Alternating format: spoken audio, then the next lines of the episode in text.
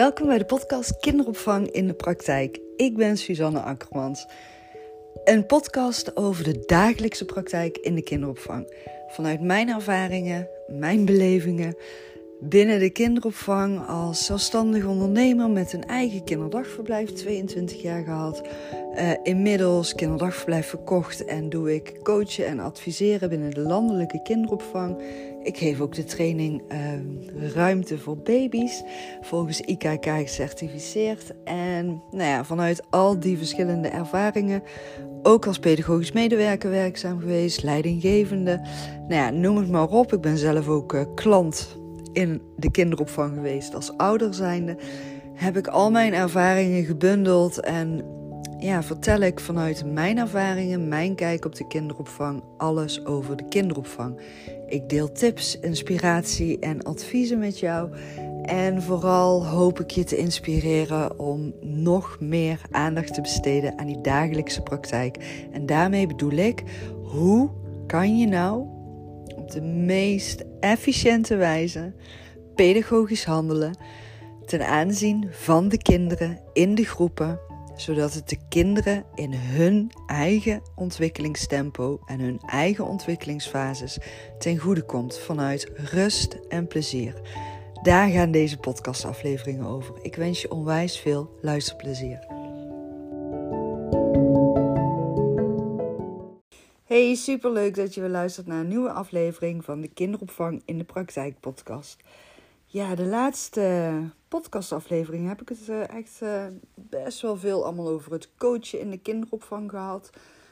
En ja, toch wel doordat ik uh, verschillende berichten heb mogen ontvangen van ondernemers in de kinderopvang, dacht ik van het is weer eens tijd om een aflevering te maken, echt specifiek over het ondernemen in de kinderopvang. Wat mij opvalt is dat er toch veel kinderopvangondernemers, um, of ze nou net gestart zijn of al meerdere jaren bezig zijn, eigenlijk zeggen ze allemaal hetzelfde tegen mij. Suus, ik had dit niet verwacht. En met dit niet verwacht wordt dan vooral bedoeld de drukte die erbij komt kijken. En ja, toch soms ook wel bepaalde vraagtekens die ondernemers kunnen hebben in de kinderopvang. Nou, ehm, heb ik zelf altijd uh, best wel overhoop gelegen met uh, de continue wijzigingen in de CAO en de wet kinderopvang. Ik heb dat ook echt altijd wel als een enorme uitdaging ervaren, maar het heeft me ook altijd wel weer gemotiveerd om nieuwe mogelijkheden te blijven zoeken die bleven passen bij mijn missie. En dat is eigenlijk meteen aandachtspunt nummer 1, eh, de missie die je nastreeft. En wat ik heel veel zie gebeuren en wat ik ook zeker herken, omdat ik zelf ook op die manier ben gestart met ondernemen in de kinderopvang ik was ook die pedagogisch medewerker die gewoon iedere dag op de groepen werkzaam was. Ik zette mezelf uh, helemaal klem ook, doordat ik dus als pedagogisch medewerker werkzaam was. Uh, waardoor ik in de avonduren en in de weekenden heel veel dingen moest gaan doen nog. Om uh, ja, gewoon alles wat er nog meer bij kwam kijken. De planning maken, bestellingen doen. Ehm, nou ja, beleidsstukken wijzigen, toetsen van beleidsstukken, um, de risico-inventarisatie. Ja, noem het maar op. Er waren altijd nog zoveel dingen die, die bleven liggen waar ik gewoon niet aan toe kwam. Rondleidingen deed ik tussen mijn werkzaamheden op de groepen door. Dus dan had ik weer zo'n schuldgevoel. Nou, uiteindelijk heeft dat bij mij geresulteerd in na vijf jaar op de groepen werkzaam te zijn geweest om echt te zeggen van ik stop volledig met werken op de groepen. En vanaf dat moment ben ik mezelf wel ook als invalkracht nog blijven inzetten. En uiteindelijk ben ik daar ook mee gestopt en ging ik alleen nog invallen als het echt niet anders kon. En meestal had ik dan ook voor mezelf uh, in de schoolvakanties en dan met name in de zomervakantie Uh, omdat het altijd een onvoorspelbare periode is qua bezetting van de groepen. Welke kinderen gaan wel komen, welke kinderen gaan niet komen. Je wilt toch dat je teamleden ook vakantie kunnen hebben. Uh, had ik zelf uiteindelijk dat ik de zomervakanties heel vaak mezelf nog wel uh, wekelijks als invalkracht op de planning deed zetten. En in deze plannen. En dan heel vaak was dat uiteindelijk ook niet eens nodig. Um, en daar had ik ook verder helemaal geen moeite mee. Ik vond het ook oprecht altijd super leuk als ik weer eens een keer kon invallen in de groepen. Maar organisatorisch was het gewoon niet praktisch haalbaar.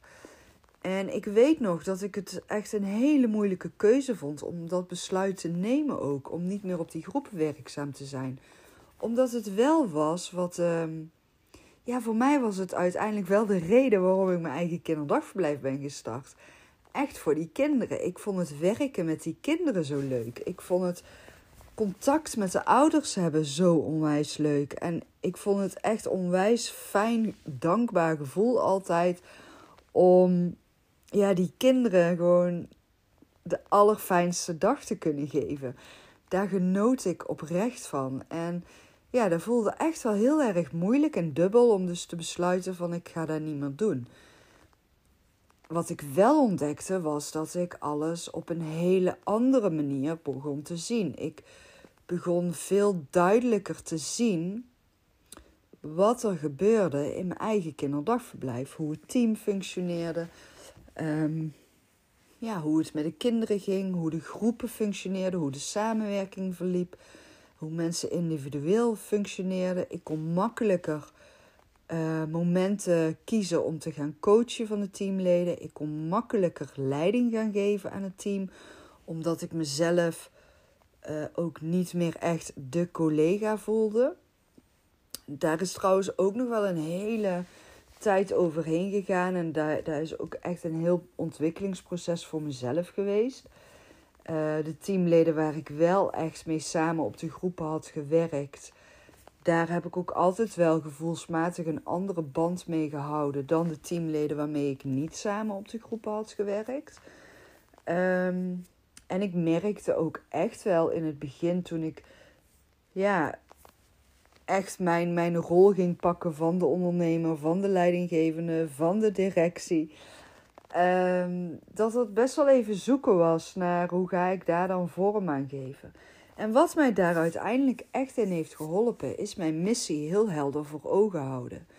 Maar ook echt mijn agenda gaan leren structureren, leren organiseren en plannen van mijn werkzaamheden.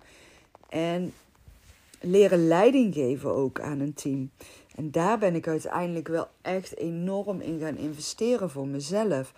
Om dus ja, niet meer het gevoel te hebben dat alles voor mij uh, werd bepaald. En ja, weet je, als jij die ondernemer in de kinderopvang bent, dan weet je ook, het is toch iedere dag opnieuw weer flexibel en creatief schakelen. Want hè, er kunnen afmeldingen zijn in de groepen waardoor de bezetting niet meer klopt. Of uh, er kunnen teamleden ziek zijn. En zeker nu met de tijden die er nu zijn geweest dan ben je continu bezig met die invalwerkzaamheden.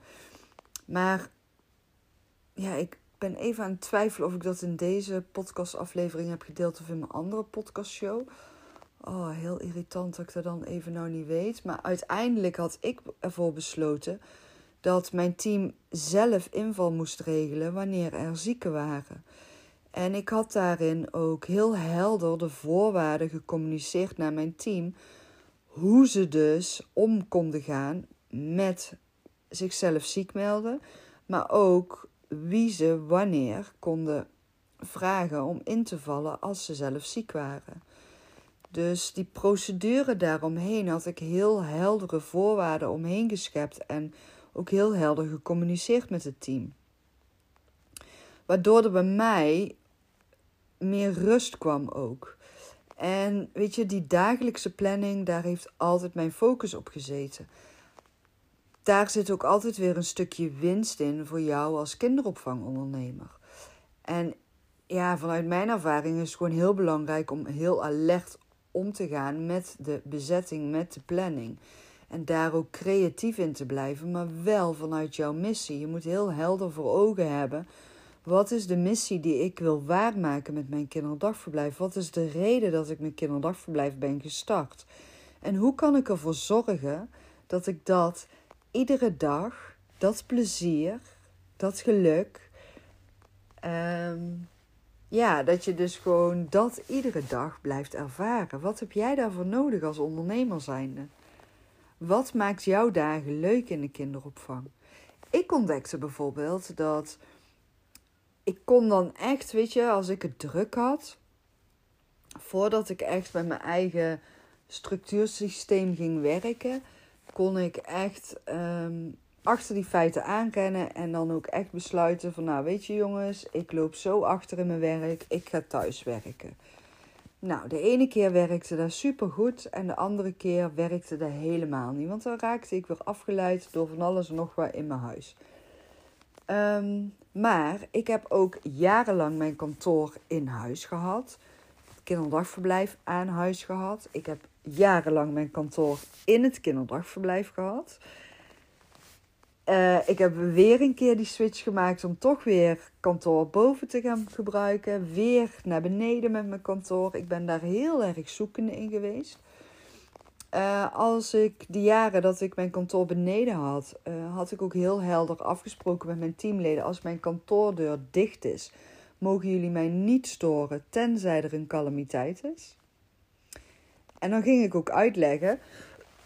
Sorry, even een slokje water pakken.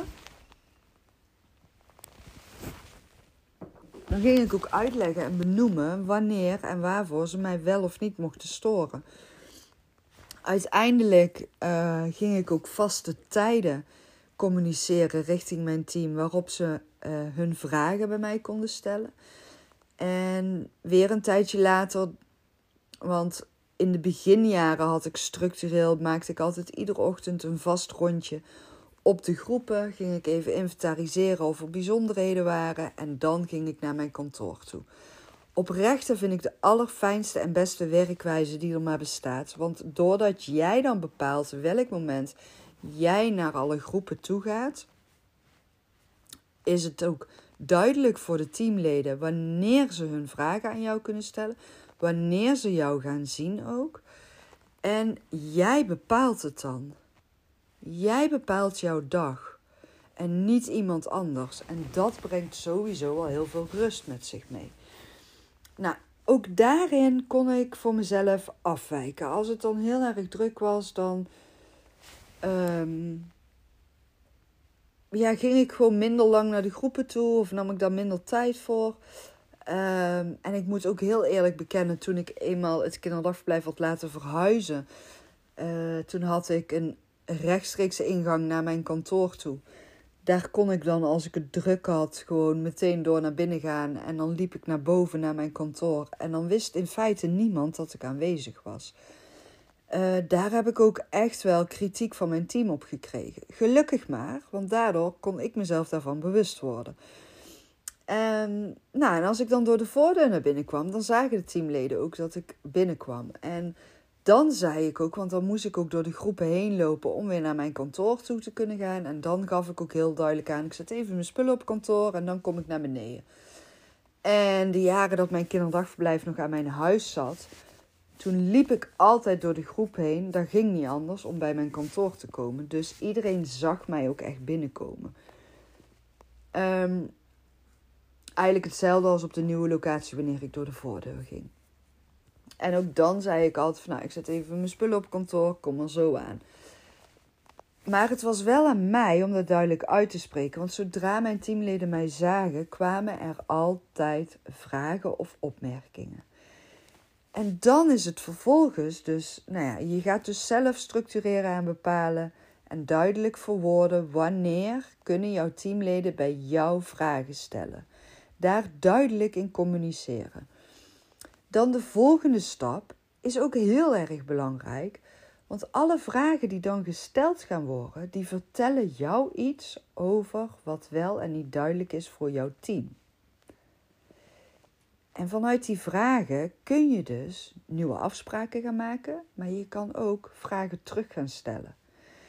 Want het is heel vaak, en ook ik heb dat zelf gedaan, hè, dus ga nou niet denken, oh, doe het zo slecht allemaal. Nee, ik heb zelf ook die valkuil, uh, ben ik zelf ook ingestapt.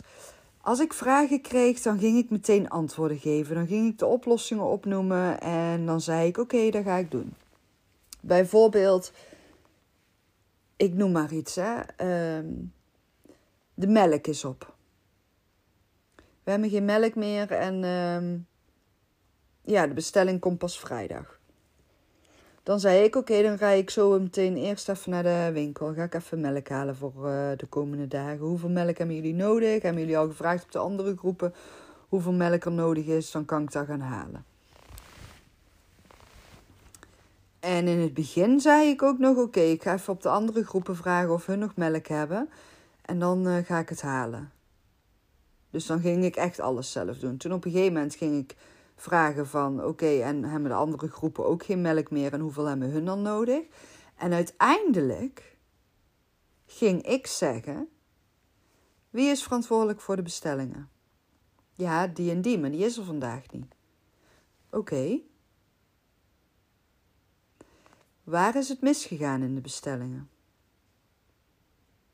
Want ergens is het dan misgegaan in de bestellingen. Ja, dat weet ik niet. Ja, hoe zou het kunnen komen dat er nu te weinig melk is, terwijl pas over uh, vier dagen de bestelling weer wordt geleverd? En wordt er dan voldoende melk geleverd met de nieuwe bestelling, of hebben we dan aan het einde van die periode ook weer melk tekort? Ja, uh, dat weet ik niet. Ik ga daar niet over. Makkelijk, hè? Maar zulke reacties krijg je dan. En het is heel begrijpelijk als mensen zich niet verantwoordelijk voelen ergens voor. Ik heb het ook allemaal moeten leren en ik ontdekte dus. Het werkt 10.000 keer rustiger en efficiënter wanneer je mensen verantwoordelijk maakt voor bepaalde taken. Dus ik ging mensen verantwoordelijk maken voor de bestellingen. Ik ging uitleggen hoe ze dus die bestellingen konden doen, wanneer ze die bestellingen moesten doen en waar ze op moesten letten.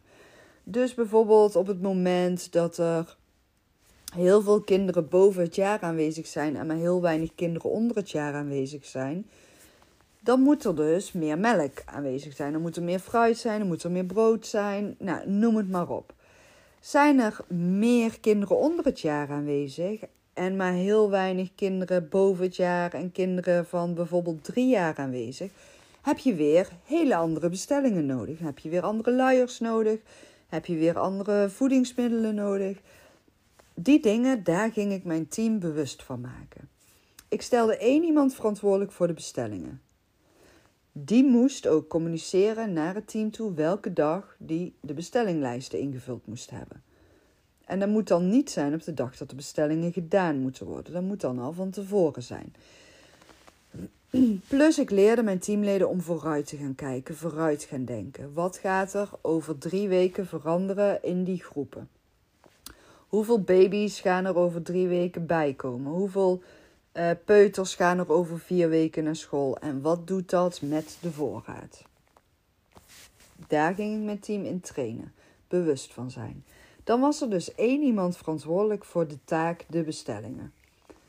Als die persoon er niet was en die vragen werden aan mij gesteld of er werd aan mij doorgegeven van we hebben vandaag geen melk, dan zei ik: Oké, hoe ga je dit nu oplossen? Ik ging het niet meer oplossen.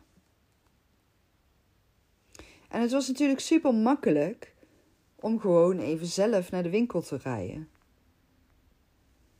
Maar als ik dat zou blijven doen, als ik daar geen grenzen in zou stellen, dan zou het betekenen dat ik iedere dag wel voor iets anders naar de winkel zou moeten rijden en dat iedere dag van mijn kostbare tijd af zou gaan. En ik zag het leidinggeven uiteindelijk echt als hetzelfde, hetzelfde als kinderen opvoeden. Kleine kinderen moet je ook duidelijk zijn in wat je van ze verwacht, wanneer ze wat moeten en mogen en kunnen doen, uh, maar ook grenzen stellen. Wanneer iets niet kan, wanneer iets niet mag, daar duidelijk in zijn, zodat ze weten waar ze aan toe zijn. Nou, zo ging ik dus om met de momenten ook dat ik in de groepen aanwezig was. Dus ik begon met bepalen wanneer vragen aan mij gesteld worden, bepalen wanneer ik beschikbaar was voor het team, voor ouders, voor de groepen, voor rondleidingen, voor intakegesprekken. Um, maar ik bepaalde ook wanneer ik tijd nam voor de planning, voor het beleid, uh, voor de boekhouding. Alles ging ik bepalen in mijn agenda. Ik ging structuur aanbrengen in mijn agenda. Voor mezelf, voor de organisatie, voor de teamleden, voor de ouders, zodat het voor iedereen duidelijk was. Dus heel belangrijk daarbij is dat je het ook heel duidelijk gaat communiceren. En dan ga je steeds meer grip hebben op jouw dagen. En weet je, wat ik net al zei, kinderopvang is en blijft flexibel en creatief schakelen. Er kunnen altijd, iedere dag, zoveel dingen tussendoor komen. Een kindje kan vallen waarvoor jij hè, eh, geroepen moet worden, omdat bijvoorbeeld dat de afspraak is bij jullie. Uh, een teamlid heeft een conflict gehad met een collega. Een ouder heeft onvrede uitgesproken op de groep. Eh, er belt een ouder op die ergens vragen over heeft of niet tevreden over is. Er kan van alles gebeuren. Bestellingen die niet op tijd geleverd worden, ook dat kan gebeuren. En dan is het weer opnieuw de kunst dat jij heel duidelijk gaat zijn in wanneer ben jij waarvoor beschikbaar en zorg ervoor dat je team dat weet. Communiceer dat naar je team, maar ook zorg ervoor dat je team jou ziet, dat je zichtbaar aanwezig bent. Al is het één hele dag in de week, zolang het team maar weet wanneer jij aanwezig bent en zolang het team jou maar blijft zien. Een team heeft het nodig om de leidinggevende of de, de werkgever te zien. Ze hebben jouw aandacht nodig. Ze hebben jouw goedkeuring nodig. Ze hebben jouw complimenten ook nodig. Jouw positieve energie hebben ze nodig. Als jij niet lekker in je vel zit, dan gaan er onherroepelijk dingen mis en tegen zitten in je onderneming. Echt waar, geloof me, zo werkt het. Ik heb het zelf ervaren. En als ik lekker in mijn vel zat, dan liep het allemaal veel fijner. Als ik niet lekker in mijn vel zat, dan vielen we van het een in het andere. En als ik wel lekker in mijn vel zat en er gebeurde duizend en één dingen. En ik reageerde daar uh, vanuit een positief gevoel op en vanuit mogelijkheden blijven zien en de onrust weg weten te nemen, dan ontstond er ook rust in het team, omdat ik zelf kalm bleef. Omdat ik zelf overzicht bleef houden. En ik bleef altijd overzicht houden, omdat ik altijd mijn missie heel helder voor ogen had. En ik krijg ook best wel vaak uh, de afgelopen twee jaar van kinderopvangondernemers vragen over: ik twijfel uh, of ik mijn kinderdagverblijf uh, nog wil behouden. Ik twijfel om het te gaan verkopen. Um, ik ben aan het nadenken om een kinderdagverblijf te gaan verkopen. Ik krijg daar echt heel veel vragen over. En aan de ene kant vind ik het heel erg jammer als ik dat hoor. Um, vooral omdat het wordt uitgesproken op een moment dat je helemaal het niet meer ziet zitten. Jezelf helemaal leeggezogen en op. Ja, dat je gewoon echt op bent. Dat vind ik echt onwijs jammer. Dan, dan ben je echt tien stappen te ver doorgegaan op een verkeerde manier. Um, maar het is geen verwijt, hè? Het is geen verwijt. Het is, uh, het is ook heel begrijpelijk. Ik kan het zeker ook uh, heel goed begrijpen. Um, ben ik gestopt toen ik het helemaal beu was? Nee. Nee, ik ben niet gestopt op het moment dat ik het beu was. Ik ben gestopt op het moment dat ik nog steeds onwijs veel van mijn kinderdagverblijf hield. En uh, die liefde was zelfs nog zo groot dat ik um, er heel veel moeite mee had om het te gaan loslaten. En heel veel moeite had om het besluit te kunnen gaan nemen. Maar ik had wel een hele intensieve uitbreiding gerealiseerd in twee jaar tijd.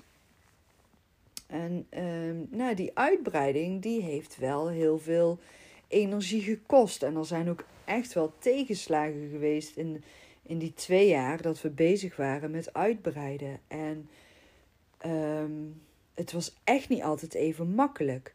Maar ik had toen ook echt wel eens momenten van: oh, ik stop ermee en ik ben er klaar mee en ik heb er geen zin meer in en ik word hier zo moe van en uh, ik weet het allemaal niet meer en heb ik hier wel goed aan gedaan? Had ik wel die uitbreiding moeten realiseren? Tuurlijk, ik heb ook echt zulke gedachten en momenten gehad, maar ik deed daar verder niks mee.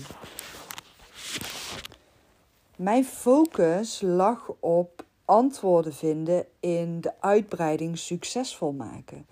Mijn focus lag investeren in de kwaliteit van de opvang. Mijn focus lag in het team vertrouwd en bekend maken met de werkwijze vanuit het pedagogisch beleid. Het pedagogisch beleid gaan leren begrijpen. Daar lag mijn focus op. Ik was niet bezig met kijken naar: oké, kan ik mijn kinderdagverblijf gaan verkopen? Ik ben er klaar mee.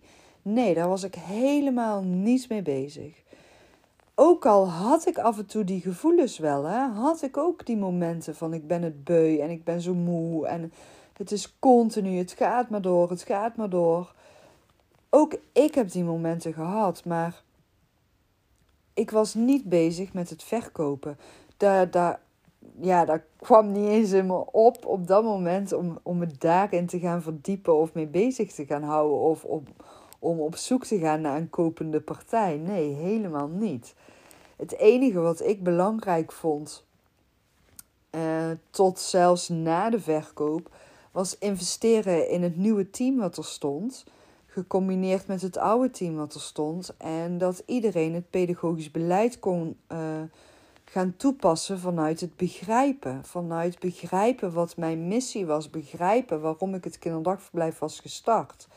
En al die nieuwe mensen die begonnen bij mij op mijn nieuwe locatie. En mijn nieuwe locatie was echt ja, helemaal fantastisch toen we daar naartoe verhuisden. Alles was nieuw. Alles was super mooi en nieuw ingericht.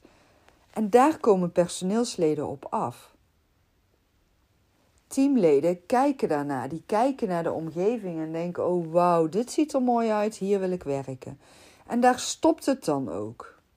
En echt niet bij ieder teamlid, maar wel bij veel teamleden. Die denken dan niet verder na over wat is nou precies de werkwijze, wat is nou de missie, wat is het pedagogisch beleid, wat houdt het in om werkzaam te zijn in een kleinschalige kinderopvangorganisatie. Daar staan ze niet bij stil.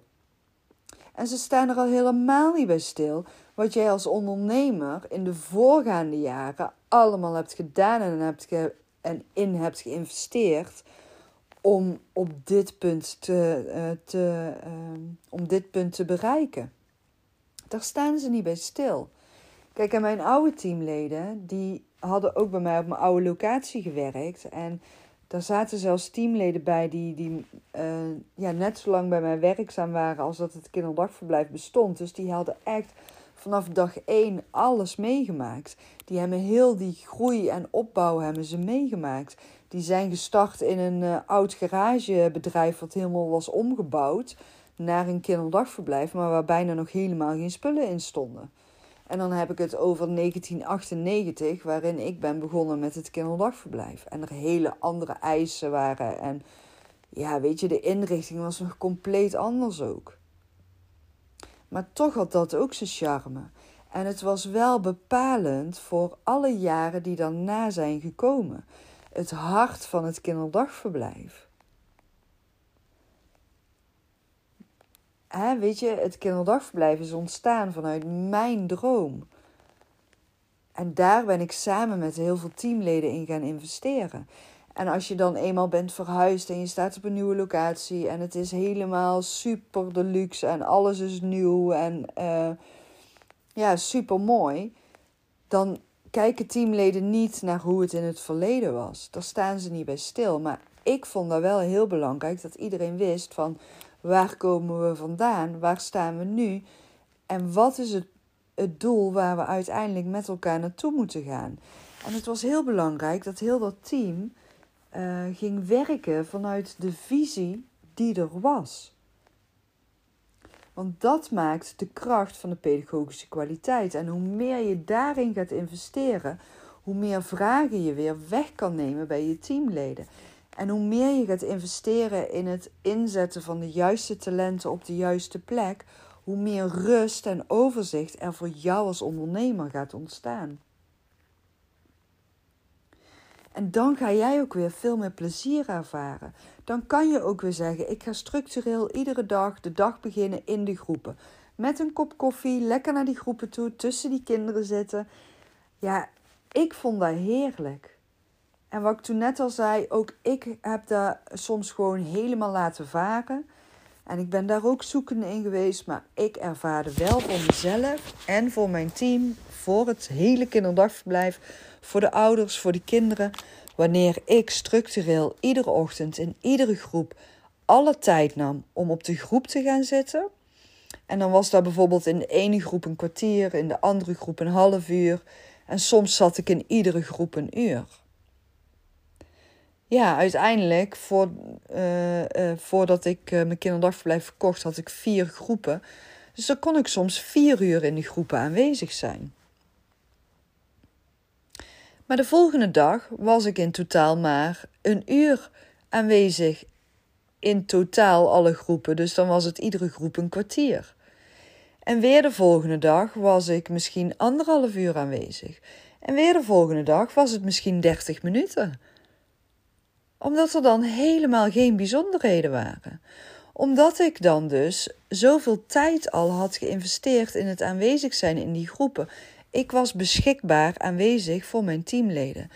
Plus, ik was aan het investeren in het pedagogische beleid praktisch vertalen naar de groepen, dus naar de werkwijze, waardoor de teamleden wisten wat er van hun werd verwacht. Ik was taken aan mijn teamleden gaan uitbesteden, waardoor ze zelf ook uh, zelfstandig um, ja, taken op zich konden nemen, maar ook die verantwoordelijkheid daarin voelden, waardoor er ook weer een grotere betrokkenheid ontstond. En daardoor ontstond er steeds meer ruimte voor mij ik heb uiteindelijk ook een leidinggevende functie geïntroduceerd in mijn eigen kinderdagverblijf. Daar ben ik ook echt onwijs lang in het zoeken geweest van hoe ga ik dat nou doen? Um, hoe kan ik daar het beste vorm aan geven? Nou, uiteindelijk had ik zoiets voor mezelf van ja, weet je, dit is nu wel gewoon het juiste moment om een leidinggevende functie te gaan introduceren. En dat was het jaar voordat we gingen verhuizen. En dat was voor mij uit ook een hele bewuste keuze, want daardoor kon de leidinggevende ervaren op de oude locatie hoe het leidinggeven in zijn werk zat. Konden we heel veel tijd daarin investeren. En op de nieuwe locatie werden haar leidinggevende taken ook steeds verder uitgebreid. En uiteindelijk kwamen we op een punt dat zij gewoon echt dagelijks aan het leidinggeven was in het team ik de rol vervulde van de pedagogisch coach, de directie. Ik deed de intakegesprekken, ik deed de rondleidingen. En als ik een keer niet kon, dan deed de leidinggevende dat. Ik maakte de planning, ik uh, was bezig met pedagogisch beleid toetsen. Maar ik was alleen nog maar dingen gaan doen die mij energie gaven, die ik onwijs leuk vond om te doen. En ja, die momenten dat het dan tegen zat en dat ik dan echt bij mezelf dacht van, ah, ik stop ermee en ik ben er helemaal klaar mee. Weet je, dat waren dan die drama momenten voor mezelf. Maar het was niet zo dat ik ook echt onderaan de streep ermee wilde stoppen. Nee, ik wilde gewoon dat alles lekker soepel bleef verlopen. En ik baalde gewoon als er weer een teamlid ontslag had genomen. Of als er weer een teamlid minder uren wilde gaan werken. Want dan hadden we net die planning rond en die vaste gezichten waren zo belangrijk. En dan moest ik weer opnieuw gaan puzzelen. Of ik baalde als een teamlid een conflict had met een ander teamlid. Ik baalde als een ouder een klacht had. Maar het zijn allemaal groeipijnen die erbij horen als je aan het groeien bent met je onderneming. En die groeipijnen die had ik de jaren daarvoor helemaal niet gehad op de oude locatie. En toen vond ik het eigenlijk allemaal wel prima, gewoon lekker relaxed. Weet je wel, maar dan gaat het uiteindelijk ook soort van een beetje, ja, vervelen is niet het juiste woord, maar ik, ik ging wel zoeken naar nieuwe uitdagingen toen we nog op de oude locatie zaten. Dus het is heel belangrijk dat je voor jezelf als ondernemer helder gaat hebben: oké, wat is de missie? Wat is de reden waarom ik met mijn kinderdagverblijf ben begonnen? En is dat nog steeds iedere dag zichtbaar aanwezig in mijn kinderdagverblijf? De reden waarom ik met dit kinderdagverblijf ben begonnen. Welke vragen worden het meeste gesteld vanuit mijn team? En welke afspraken mag ik dan daarover gaan maken met mijn team? Hoe kan je duidelijke afspraken met je team gaan communiceren, ook zodat ze weten wat er van hun wordt verwacht? Welke taken kan je gaan uitbesteden aan je teamleden? En welke taken en verantwoordelijkheden geven jouw energie? En hoe kan jij ervoor gaan zorgen dat je daar jouw aandacht en je focus op gaat leggen? En jouw dagen zo gaat structureren dat jij er tijd voor hebt. Heb je hier vragen over? Je kan me altijd een berichtje sturen. Uh, dat kan via uh, Insta. Je kan mij daar uh, bereiken via Kinderopvang in de Praktijk. Dat is mijn kinderopvangpagina waar ik echt alleen maar alles over de kinderopvang deel. En mijn persoonlijke Insta-pagina is Suzanne-Akkermans. En Suzanne is met S-U-S. Uh, je mag me altijd een DM-bericht sturen. Uh, als je nou denkt van ja, ik loop ook zo te zoeken met wat ik nou eigenlijk wil. En ik vind het uh, gewoon echt op dit moment even allemaal te zwaar en te ingewikkeld. We kunnen altijd een afspraak inplannen. En ehm, tele telefonisch kunnen we even contact hebben of via de mail. dat is gewoon vrijblijvend. En weet dat je bij mij ook een coach- en adviestraject kan starten als kinderopvangondernemer. En ik vertel je daar graag meer over in een persoonlijk gesprek. Dankjewel voor het luisteren en graag tot de volgende keer.